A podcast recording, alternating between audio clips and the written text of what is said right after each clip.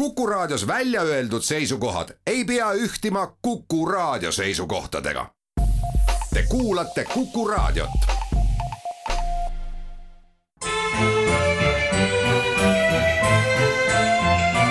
Memoria.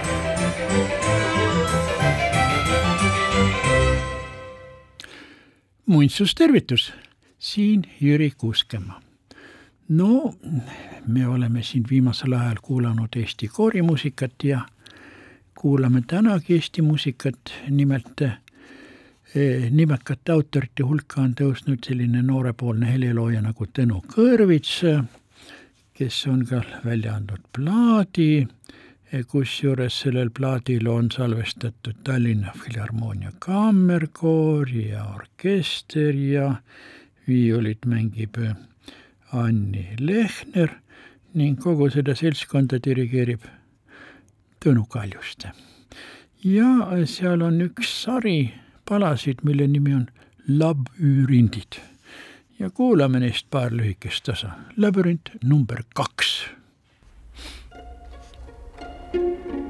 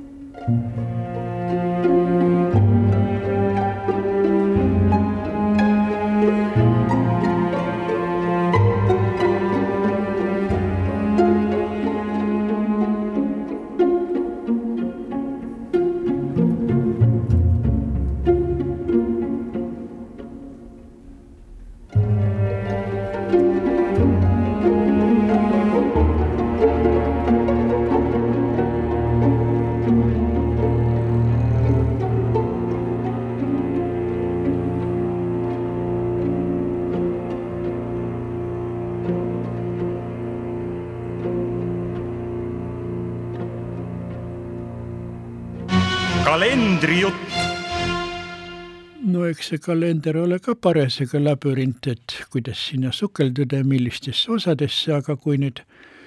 päevakajalisi sündmusi ja tegelasi otsida, siis vast lõppeva nädala peakangelaseks maailmas on ikkagi Suurbritannia kuningas Richard Kolmas, kes eile krooniti ja millest fantastilisest, eks ole, rituaalide kobarast seoses tema kroonimisega võisime ka meie siin Eestis osa saada televahendusel. ja see oli nii pikk, et mina ei jõudnud kõike seda ära vaadatagi lõpuni, aga väga huvitav kahtlemata, sest vaadake, see meile meenutab tänapäeva maailmas, kus on demokratiseerumine ja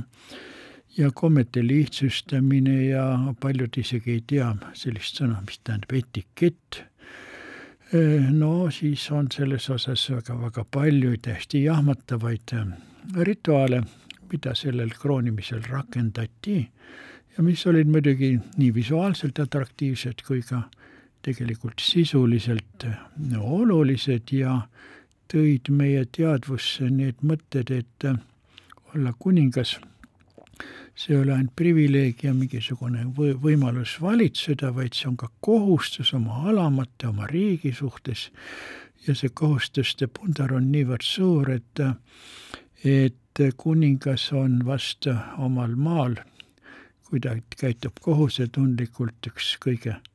töökamaks sunnitud isikuid, kes ei või endale lubada vähimaidki vääratusi, sest ta on ju kogu aeg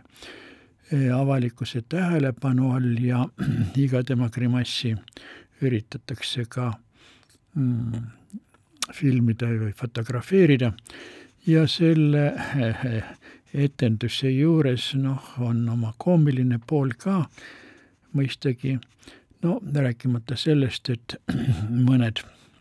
vabariiklased tahavad ikka kuningavõimu kukutada ja tikkusid sinna ka protsessiooni segama tulema ja samal ajal üks populaarsemaid meeneid seoses kuningaga olid suured plastmastist kõrvad, mil oli täpselt kuningas Richard Kolmanda kõrvade kuju. no ja osa selliste kõrvade külge riputamine andis mõningatele mm, kuningriiklastele õnneliku tuju. aga meil Eestis kahtlemata, ei muidugi maailmas veel nii-öelda tegevkangelastest tuleks ikkagi esile tõsta Ukraina presidenti Zelenskoid, kes jõuab rännata igale poole ja, ja teha seal vägevaid mõjukaid esinemisi, mis on lühidad, aga aga sisukad ja, ja, ja, ja ütleksime muidugi ka agressiivsed, aga noh, eh, sellistes oludes vastu pidada ja olla nii, et eh, sind kuulata, nähakse ja kuulata, eks see on ka muidugi suur saavutus. aga meil Eestis muidugi jah, ilmselt tuleb eh, sel nädalal nagu tõsta ja kiita mm, kunagist presidenti ja Eh, par-, kunagist parteirüütlit, Arnold Rüütlit, kes sai üheksakümne viie aastaseks, aga on ikka veel kõbus, sile, laitmatu käitumisega ning ka, ka tema kõne kannatab ju täitsa veel kuulata. aga eh, temast ütleme, astme võrra madalamal, aga eh, laiematele ringidele, muidugi eelmisele põlvkonnale eriti tuntud näitlejanna Eve Kivi, meie kunagine selline nagu öeldakse, mitte täht, vaid staar, kes hiilgas paljudel lavadel, paljudel et-, paljudes etendustes ning jah, on ja siiani ka veel hoolitsetud ja, ja näeb atraktiivne välja ka kaheksakümne viie aastases vanuses. aga meie muidugi uue nädala keskseks äh, tähistatavamaks päevaks on Euroopa päev, eks ole, üheksas mai. Ja sellega on niimoodi, et vaat kui Saksamaa kapituleerus teises maailmasõjas, see oli valdavalt kaheksandal mail, siis äh, lääneriigid tahtsid seda lepingu allakirjutamist just kaheksandal mail, aga venelased isand Staliniga eesotsas millegipärast neile sobis üheksas paremini ja siis lepitigi liitlaste vahel kokku, no olgu peale. olgu siis üheksas mai, selleks päevaks, mis tähistab teise maailmasõja lahingute lõpu Euroopa pinnal, ma toonitan Euroopa pinnal, sest teatavasti, eks ole, idas lahingud jätkusid ning äh, Jaapan mm, alistus alles septembris, kui olid heidetud alla kaks kohutavat tuumapommi. Äh, nii et see äh, on muidugi tähtpäev, mille meenutamine on meile, eestlastele, valus, sest see ei toonud meile kaasa võitu, vaid ühe mm, okupatsiooni asendumist teisega pruuni terrori asendamist punase terroriga, mis jäi kestma kauemaks ja samuti see sõjategevus ise Eesti pinnal oli üpris laastav. no suurem osa Eesti linnadest said pihta ja kannatada, enim muidugi Narva ja Tallinn, aga ka Pärnu ja mõnedki teised Eesti paigad Tapast rääkimata said pommirünnakutes või suurtükitulest kõvasti pihta ja need hävitud hävingu jäljed on siiani meie linnade maastikus mingil määral ju jälgitavad, eriti neile, kes on, oskavad nagu arhitektuuri lugeda ja näevad, et vaat siin ja seal on nüüd sõjajärgsed ehitised, mis on asendanud sõjaeelsed hävitatud ja purustatud hooned. Ning jah, eks see kõik praegu ju on tekitanud selle sinase tusameele laine ja tahetakse nagu sellest Nõukogude pärandist nagu vabaneda, aga noh, see on nagu siin üks kirjanik väga tabavalt ütles, selle nõukogudeaegse pärandist vabanemise puhul eh, tahetakse ka vabaneda oma häbitundest, sest paljud ju tegid selle punase terroristliku võimuga koostööd ja neist said ka nii-öelda terrori läbiviijate osalised, mitte ainult ohvrid ja seda on piinlik mäletada mõnelgi, kes trügis, eks ole, seal kuuekümnendates, veel kaheksakümnendate aasta alguses kommunistlikusse parteisse, selleks, et ehm, saada kas paremat töökohta või siis eh, luba sõita mõnele välisreisile, mis muidu oleks olnud kättesaamatu ja ja nii edasi. aga selle päeva puhul on meil siin rohefest, eks ole, mis on ju väga tore ja Tallinnas äh, on, eks ole, õhtul siis vägev kontsert Säravate tähtedega, isegi üks eelmise aasta eurolaulu võitja on siia tulnud eestlastega koos laulma. ja päev läbi on seal mitmesugused niisugused õppused ja näidis, näidisväljapanekud ja töötoad, kus, mille abil püütakse, eks ole, linlasi, eriti lapsi loodusele lähemale tuua. Nii et, et see on nagu elu jaatamise päev, mida muidugi tuleb ju igati kiita ja see on muidugi seotud ka asjaoluga, et meil on ju tänavu Tallinn Euroopa roheline pealinn ja sellega on siis mitmesugused muud aktsioonid nagu lilleniidud ja putukate hotellid isegi päevakorras, rääkimata siis täiendavate linnupesade tegemisest laste poolt ja paigutamisest puu, puude otsa üle linna ja ja, ja nii edasi ja täiendavad rattateed ja, ja, ja, ja rattaparklad ja muud tegurid, mis võimaldavad linnas nagu mugavamalt olla ja liigelda nii et selles mõttes on see ju tore tähistus, nii et aga me, me oleme natukene mures muidugi sellest üle, mida nüüd ütleksime mm, imperialistlikumalt meelestatud. venelased sel päeval teevad, et kas nad ei, tõesti loodetavasti nad ikkagi piirduvad oma, oma omast, sõjas hukkunud omaste mälestamisega ja ei hakka korraldama siin poliitilisi demonstratsioone ja muud sellest, mis näikse nagu toetavad seda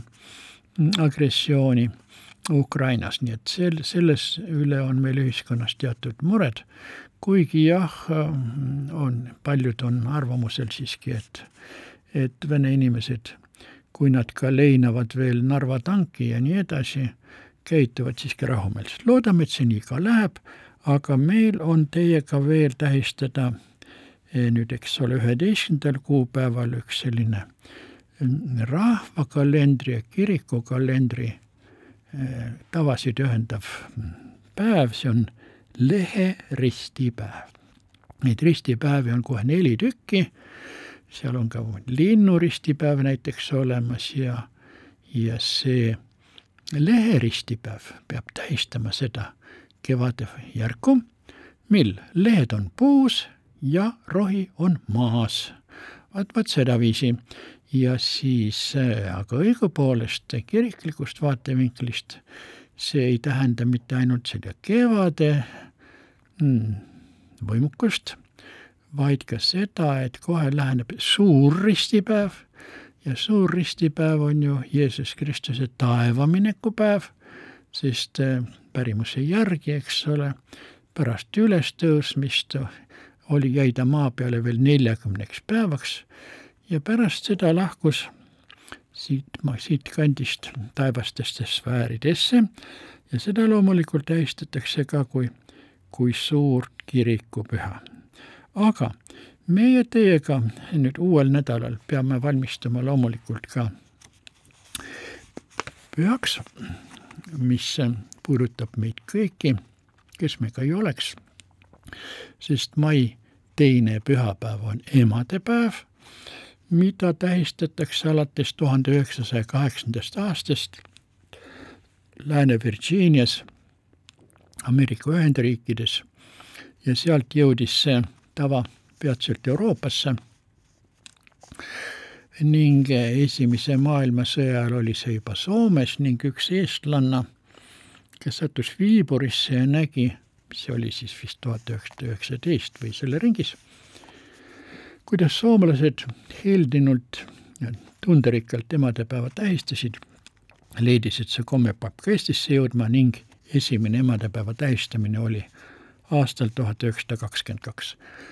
Aga tänases saates räägin ma nendest emadepäeva asjadest ja emadest veel, aga veidi hiljem, aga praegu võtame taas kuulata Tõnu Kõrvitsa sarjast Labürint, pala labürint number kolm.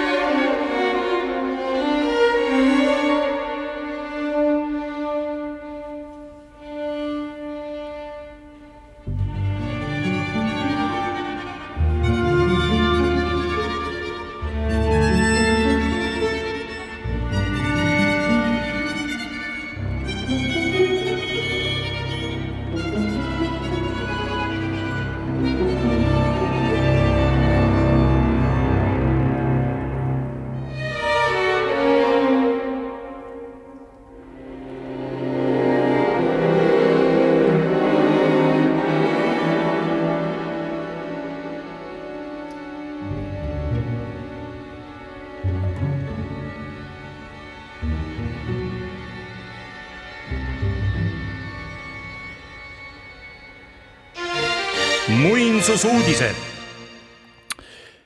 meil pomme on ja pomme saab, pomm lõhkeb seal, kus tarvis. vot see oli nüüd luuletus või laul Stalini ajast, mida mina kooli minnes veel Stalini eluajal mäletan ja see on muidugi niisugune tõeline agressiivne sõjalaul, mis vastandub, eks ole, rahupüüdlustele isegi sel määral, et praegu, kui me meenutame, et Venemaal äsja keelati ära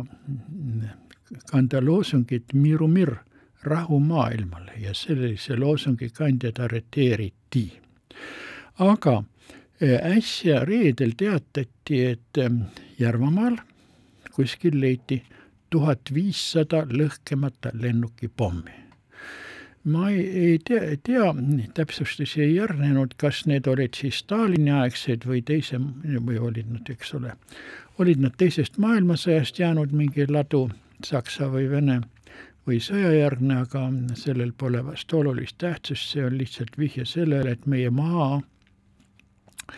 on ikka veel tulvil sõjapärandit, ohtlikku pärandit. Ja see meenutab meile, et sellist ohtlikku pärandit on üsna paljudes maades. Ja viimasel uuel aastatuhandel on nende pommimaade ja maamiinide hulgas silmapaistvamad Afganistan, Iraak. Ja nüüd muidugi ka Ukraina, kus see pommide, pommindus väga ohtrasti ohustab inimesi. Ja sellelt pinnal on praegu kurb, et rahuinglite tiivaklobinat või tiivahelinat on vähe kuulda, et ja et Eesti peaminister on saanud Euroopa sõjaprintsessiks, tulles välja üleskutsega lääneriikidele, et tootkem ruttu, rututu sada või tähendab miljon suurtükimürsku, et ukrainlased saaksid neid kasutada. no olgu siis ukrainlased või venelased või kes tahes, on mürskude kasutamine tappev ja, ja, ja siis relvastuse võidujooks või relvastuse tootmise suurendamine on ohtlik meile kõigile ja kahetsusväärne aga noh, nii on need asjad ja meil on üldiselt ju niisugune arvamus Eestis, et riigieelarves kõige mm, nagu olulisem näib olevat, tähendab nii-öelda kaitsekulutuste fond, sõjalised väljaminekud. Ja pange, kas te panite tähele, et kui eelmisel nädalal teatati, et järgmisel aastal Eesti Kaitseministeerium tellib veel saja miljoni euro eest sõjavarustust, muuhulgas ka droone ja laskerelvi, siis keegi ei protesteerinudki selle vastu. sama, aga ka samal ajal kärbiti toetust paljulapselistele peredele, kusjuures see toetuse summa, mis nüüd selle arvelt kokku hoitakse, on ainult üheksateist miljonit ja selline kokkuhoid on kahtlemata vastuolus Eesti Vabariigi põhiseadusega, mis tunnistab, et kõige olulisem on Eesti rahva, riigi ja kultuuri säilitamine, aga mm, selline kärbe, mis on nagu vesi nende veskile, kes leiavad, et ärgem saagem lapsi või saagem neid ainult üks-kaks mis muidugi Eesti püsivust kahjustab, sest et meil on ju praegu sündivus allapoole arvestust ning meie pidev iive on negatiivne rahvusliku vaatevinklist ja positiivseks saab see iive ainult selle tõttu, et meil on olnud viimastel aastatel palju sisserändajaid nii hästi Ukrainast kui ka Venemaalt, eks ole, ja eks neid tuleb ka mujalt ja noh, jah, näiteks eilegi oli mul juhus, et mind kõnetas üks äh, alguses inglise keelt rääkiv ja siis eesti keelele, üsna korralikule eesti keelele üle äh, minev noorepoolne mees, kes on siia asunud seitse aastat tagasi Venezuelast, Juan, meie jaanide vaste, eks ole ja ma küsisin, et kuidas see juhtus, et kas sa armusid mõnda Eesti tüdrukusse, abiellusid ja tulid siia, ta ütles täpselt. no nii, et selles mõttes on ju mm, positiivne, kui ütleme, intelligentseid peigmehi meile siia imporditakse ja ma arvan, et nende intelligentsete poissmeeste hulka võiks kuuluda ka Vene ja Valgevene tudengid, kes Eestis õpivad ja kes on õppinud ära eesti keele juba ja Eesti sõbralikuks muutunud ja kellest osa isegi kardab, et kui nad Venemaale tagasi lähevad, siis võivad sattuda nad repressioonide osaliseks või neid või võidakse hakata pidama ka juba vaenlase agentideks, aga nii on need lood sellesamuse mm, pommindusega ja sõjandusega, aga õigupoolest ma peaksin muinsustest laiemas plaanis meenutama, et äsja teatati ka seda, et meie Eesti Muinsuskaitseamet kavandab reformi revisjoni. kui esimene selline reformilaine on selles, et ümber vaadata need muinsuskaitse tingimused, mis on kehtestatud muinsuskaitsetsoonidele linnas, kümnes linnas ja nii-öelda mõnes kohas veel, siis nüüd tahetakse üle, üldse üle vaadata kogu see niinimetatud kultuurimälestiste nimekiri, kus, pange tähele, on kokku kakskümmend seitse tuhat mitmesugust objekti, mis jagunevad ka erinevatesse valdkondadesse, muidugi osa, on, ütleme, kalmed ja ohvrikivid ja ja nii edasi kuuluvad arheoloogiamälestiste hulka. Neid on muidugi üle Eesti, siis on arhitektuurimälestised, mis on muidugi nii linnaehitised, ja ülemaa kirikud, mõisad ja paiguti ka, eks ole, linnused või nende varemed. ja edasi on siis ka veel, eks ole mm, püha, rahvuslikud pühapaigad, mitmesugused hiied, ohvriallikad ja teatud linnuste objektid. nii et seda kõike on kokku kakskümmend seitse tuhat. ja on väidetud, et osa nendest on hüljatud, hooldamata, lagunenud ja paiguti mõningatest hoonetest on ainult müürikarbid või, või, või lihtsalt müüride alused alles, nii et, et õigupoolest mälestist ennast peaaegu nagu ei olegi enam on rohkem koht kui objekt ise. et see ja, ja et äh, muinsuskaitse alla on võetud ka hulgaliselt niisuguseid keskpäraseid, keskpärase väärtusega objekte, eriti mitmest mõisa ja linn, linnaehitiste näol, mis nagu ei oma suuremat väärtust ja võiksid saada kustutatud muinsuskaitse nimekirjadest, et praegused omanikud, kes neid hooneid valdavad või muid objekte, võiksid nendega vabamalt ümber käia ja ümberehitusi teha või paiguti osa ka lihtsalt ka lammutada ja asendada siis suuremate, moodsamate või funktsionaalsemate ehitistega, mis on siis soojapidavad ja nii edasi vastavad tänapäeva ehitus ja tehnoloogia nõuetele, et niisugune idee on kerkinud. ja selle ideel oli kohe kaks vastukoja, Liisa Pakosta, kes hiljuti kukkus läbi Muinsuskaitseameti juhina, ta ütles ja muidugi on nii, riigil on palju kergem, kui vähendada muinsuskaitse nimekirjas olevate objektide arvu, et nagunii raha nende korrashoidmiseks ei jätku ja tema oli siis kahe käega poolt. aga Riina Alatalu kes on meie rahvusvaheline niisugune klassi muinsusekspert, ütles, et ei tohiks kiirustada nende objektide kustutamisega nimekirjast. et muidu võib kaduda selliseid väärtusi, mis on ikkagi jäävad ja peaksid jäävaks kestma ja samas ta ütles, et hoopis vastupidi, oleks vaja praegu võtta täiendavalt muinsuskaitse alla terve rida objekte, mis muinsuskaitse all ei ole, sealhulgas ka uue Eesti aja ehitisi, markantseid ehitisi. no vot, sellega võiks küll nõustuda, sest vaadake, mul on nagu siin tallinlasena silma jäänud see, et kuidas on muutunud Tallinna näiteks kohvikute, restoranide ilme, sisustus, sisekujundus aegade jooksul, mil mina olen siin nendes käinud, eks ole, koolipoisina, lapsena ma käisin juba vististi kohvikustes koos vanaemaga vist tuhande üheksasaja neljakümne kuuendast aastast peale, kui ma olin üks nel-, kolme-nelja-aastane japsikas seal ja nii edasi. ja vot mõnigi kord näib,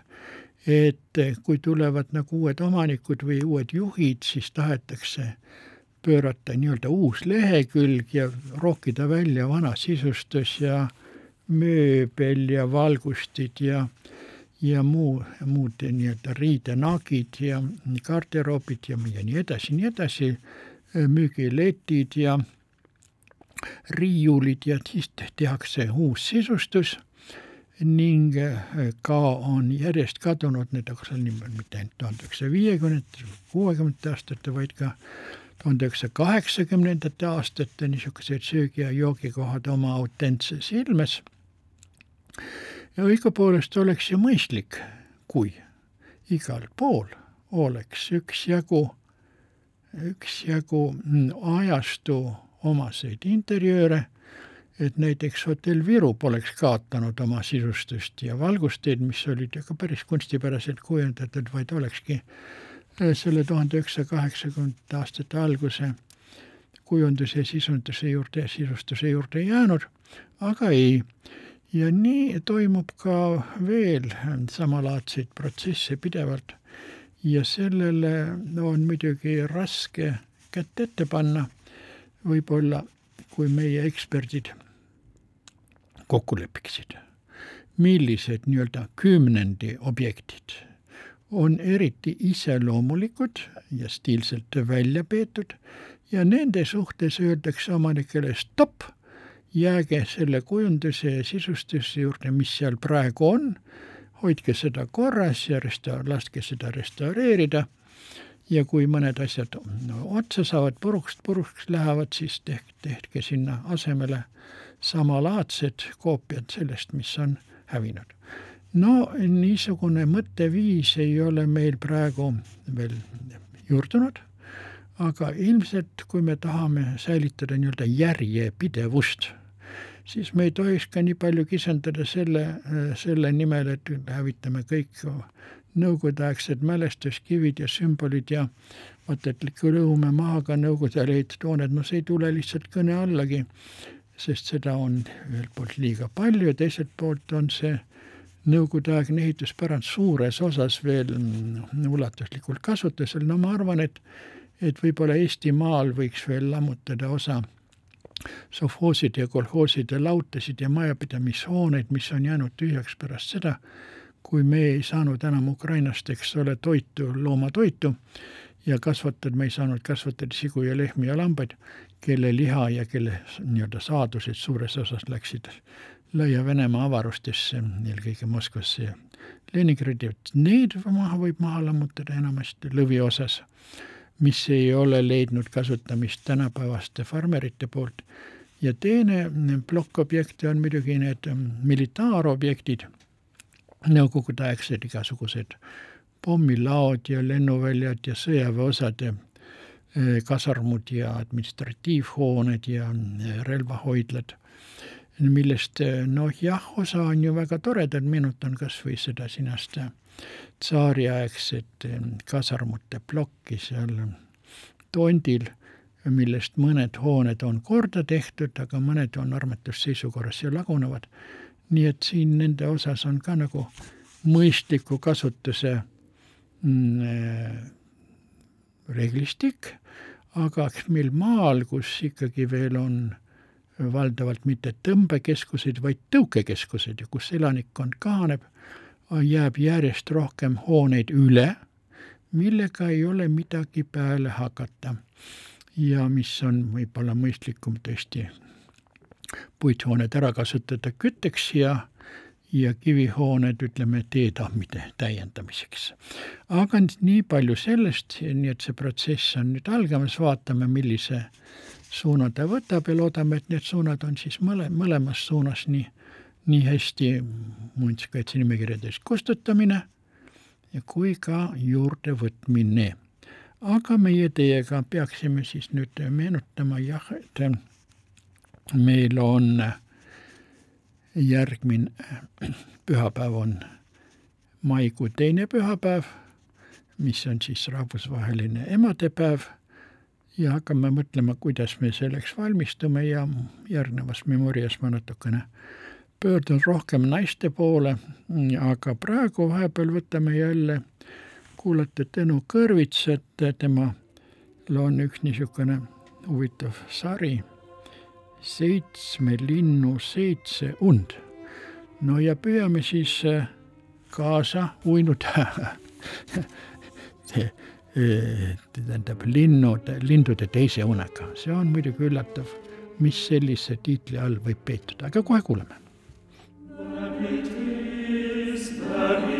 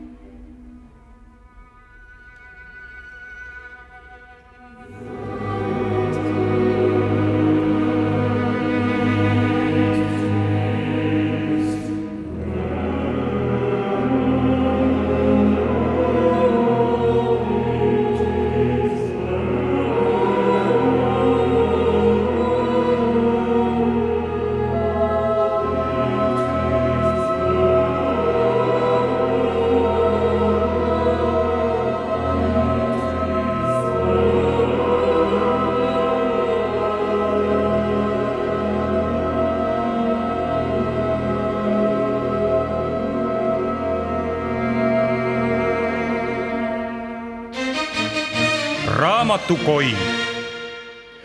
no tuleme siis lindude unenägudest taas naiste juurde ja emadepäeva eel on Tallinna Keskraamatukogu pannud erinähtavale kohale üksjagu kirjandust, mis naisi puudutab. noh, sealhulgas loomulikult, eks ole, on see seoses emadepäevaga, aga seal on ka naistest, kelle vooruste hulka emadus pole kuulunud ja, ja ka vastupidi. ja need raamatud, mida seal näha võib, on näiteks soomlanna Päivi Sedala Antiikaja naine, eesti keeles muidugi tõlgitud, teine on tema sama, Sedala Keskaja naine. ja siis on seal näiteks Jessica Ruston. kangelannad, pahelised, vaprad ja ilusad. no vot, siin ei ole mitte ainult, eks ole, plussmärgilised, vaid ka miinusmärgilised naised nagu mõrtsukad, spioonid, salakuulajad ja nii edasi, sellised tegelased. ja samas on muide üks vene autori teos, mis on kirjutatud aastal kaks tuhat kolm, aga on ka eesti keeles välja antud ja selle autori mm, nimi on Anatoli Nekrassov, aga tegemist ei ole Nekrassovi nimelise luuletajaga, vaid kaasaegse vene kirjanikuga, kes on kirjutanud raamatu Ema armastus. aga me muidugi teame, et ema armastus on üks kõige ülevamaid tundeid, mis üldse maailmas on olemas ja selle nagu üks äh, väljendusviise on isegi tingi, tingimusteta armastus, mil ema kaitseb ja hoiab ja armastab ka oma pahale, kurjale teele läinud lapsukest, kellest on saanud kurjategija. ei, aga ema armastab teda ikkagi ja vot siin nüüd on selle Anatoli Nekrassovi raamatus, nagu ma seda nii põgusalt sirvides aru sain, on esile toodud emaarmastuse just pahupool. ja see on ju ka olemas, sest mõnigi kord on lugu niimoodi, et üks ema, kes on lapsukese ilmale toonud, armastab teda nii väga ja ülemäära isegi rohkem kui tarvis ja arvab, et see, mis temal elus jäi saavutamata, temal endal peaks tema lapsukene või lapsukesed saavutama ja, ja välja arendama nendes võimed ja anded, mis temal endal kas puudusid või jäid elu keerdkäikude tõttu teostamata, olgu see siis mingisugune muusika või sport või kirjandus või midagi veel või tants näiteks ja siis eh, need emad panevad oma lapsukesed halbadesse olukordadesse, sunnivad neid eh, tegelema asjadega, mis nendele lastele ei ole eakohased või võimetekohased. ühesõnaga, see on see nii-öelda lämmatav armastus, mil see embus on nii suur, et ei lase sellel noorel inimesel tegutseda omaenda võimete ja soovide kohaselt ei lase tal areneda. Loomulikult, vaid võib selle arengut takistada ja Nekrassov kirjutabki, et seal on ema armast, niisugusest ema armastust juttu, mis põhjustab kannatusi nii emadele endile kui nende mm, kasvatusi ei teostu. Või kannab valesid vilju ja lastele endile, kes, kelle lapsepõlv on röövitud seeläbi kes ei saa vabalt suhelda oma eakaaslastega ja mängida sel ajal, vaid peavad kohustuslikus korras tegema seda, seda, teist ja viieteistkümnendat, mida nende vanemad, eriti ema, neilt nõuab. nii et see on vast mõnevõrra eneseabilik raamat, see Ema armastus Anatoli Nekrassovilt, aga loomulikult selle kõige kõrval on ka terve rida teisi raamatuid ja mille hulgas jah, võiks meenutada, et on ka mm, selliseid, mis annavad aimu mm, paljudest tublidest naistest.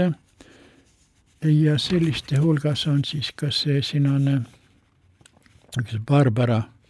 ähm, Sichtermanni raamat, äh, kus on mm, viiskümmend klassikut, naised ja ma võtaksin siit teile põgusalt ette lugeda siis läbi ajaloo üksjagu neid nimesid, keda on peetud sellesse nii-öelda naiste hiilgepleiaadi kaasata. Ja seal on näiteks Antigone, Medea, Juudit ja siis tuleb keskajast Hildegard Pingenist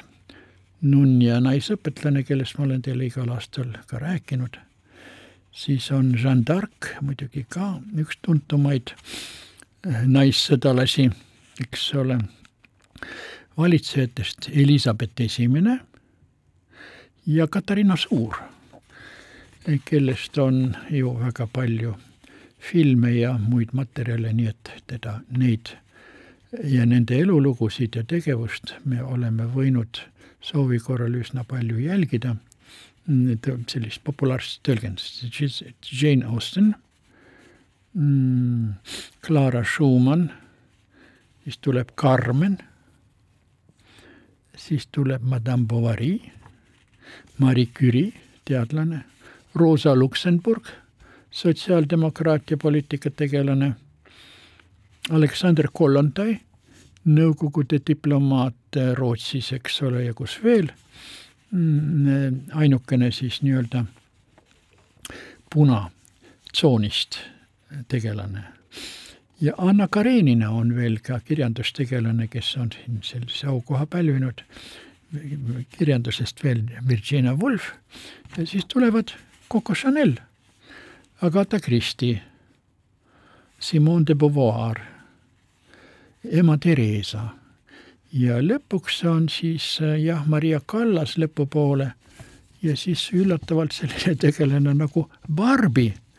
ja Madonna, aga mitte Neitsi Maarja Madonnana, vaid hoopiski seesamunegi lauljatar, kes on käinud ka Tallinnas lauluväljakul esinemas, kes kuulub ka siis sellise popkultuuri säravamate tähtede hulka nii et eh, niisugune eh, huvitav valik. Eh, ja siin muidugi tegemist on saksakeelse nimega autoriga, siin ei ole tegemist, tegemist ühegi Läänemere soomelise naisega, kuid ainuke nimi, mis kõlab meile kohalikult, on Maria Kallas, eks ole, aga sellest Maria Kallasest räägin ma teile veidi hiljem, aga praegu võtame veel kuulata ühe lõigu nendest samustest lindude unenägudest Tõnu Kõrvitsa moe järgi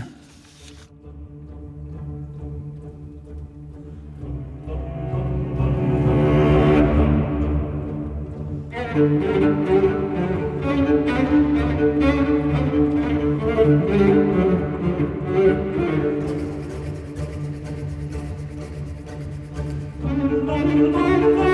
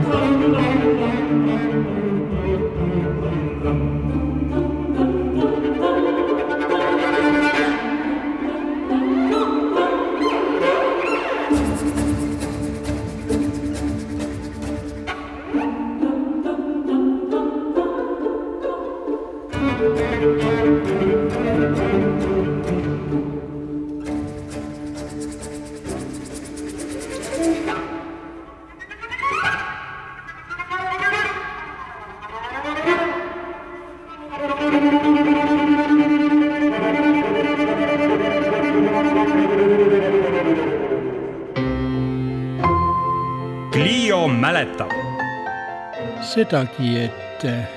Maria Kallas sündis New Yorgis tuhande üheksasaja kahekümne teisel aastal Kreeka emigrantide perekonnas. ja mm, tema ema lämmatas teda oma armastusega ja sundis teda laulma, laulma ja laulma, nii et, et mm, see sinane Maria tõesti kurtis hiljem, et ema röövis tema lapsepõlve, aga siiski see ema sundiv armastus ja suunamine muusika poole osutusid põhjendatuks, sest kuigi Maria oli lapsena või tütarlapsena inetu ja samas mm, tema hääl ei olnud ka mitte ilus, vaid tema hääl oli kare. Aga see andis tema häälele mingisuguse niisuguse erilise tämbri, mis tuli hiljem kasuks. Ja kui nad olid nüüd mõnda aega seal New Yorgis elanud, siis äh, pöördusid nad ikkagi tagasi Kreekasse, oma mm, rahvus, rahvuskodumaale ja Ateenas see sinane Maria õppis siis muusikat ja jõudis seal ka kolmeteistkümneaastaselt juba lavale ning Mm, kui ta oli nüüd kahekümne kahe aastane, see oli aastal tuhat üheksasada nelikümmend neli sõja ajal, siis oli ta juba jah, tõesti nii edenenud, et Ateena ooperiteatris ta esines. ja tema rahvusvaheline karjäär oli alanud, Teine maailmasõda paiskas teda veel Kreekast minema ja jõudis küll Ameerikasse ja küll ta siis jõudis mitmesugustele Euroopa lavadele tehes sellist säravat karjääri kui üks kõige hiilgavamaid, hiilgavamaid näitlejannasid, aga tema eraelu ei läinud eriti õnneks, sest et tuhande üheksasaja neljakümne üheksandal aastal, kui ta oli siis kakskümmend kuus või seitse, abiellus ta endast umbes kolmkümmend aastat vanema töösturiga, mis oli siis? Giovanni Battista Manegi, Manegini jah, oli selle töösturi nimi, aga sellest töösturist oli siiski palju kasu, nimelt ta hakkas Maria mänedžeriks ja korraldas tema esinemisi ja rahaasju, nii et, et ta sai, Maria sai päris hästi hakkama, aga selles raamatus, kus on nüüd need viiskümmend naisklassikut, ei ole kahjuks öeldud, et kust see Maria kes oli ju Kreeka nimega, sai endale selle nime Kallas. ja muide, tema, oli see nüüd tema tütar või üks lähisugulane, oli siin Eesti taasiseseisvumise ajal Ameerika saatkonnas ja ma juhtumisi puutusin temaga isegi kokku, aga ma olen praegu unustanud need tema seletused, selgitused, milline oli siis tema seos Mariaga, aga Marial läks nii, et ta e, mõni aeg hiljem oli temast äärmiselt võllutud miljardär Aristoteles Onassis, kes ta, kinkis talle palju suuri lilli ja juveele ja nii edasi ja nad abiellusid ka ning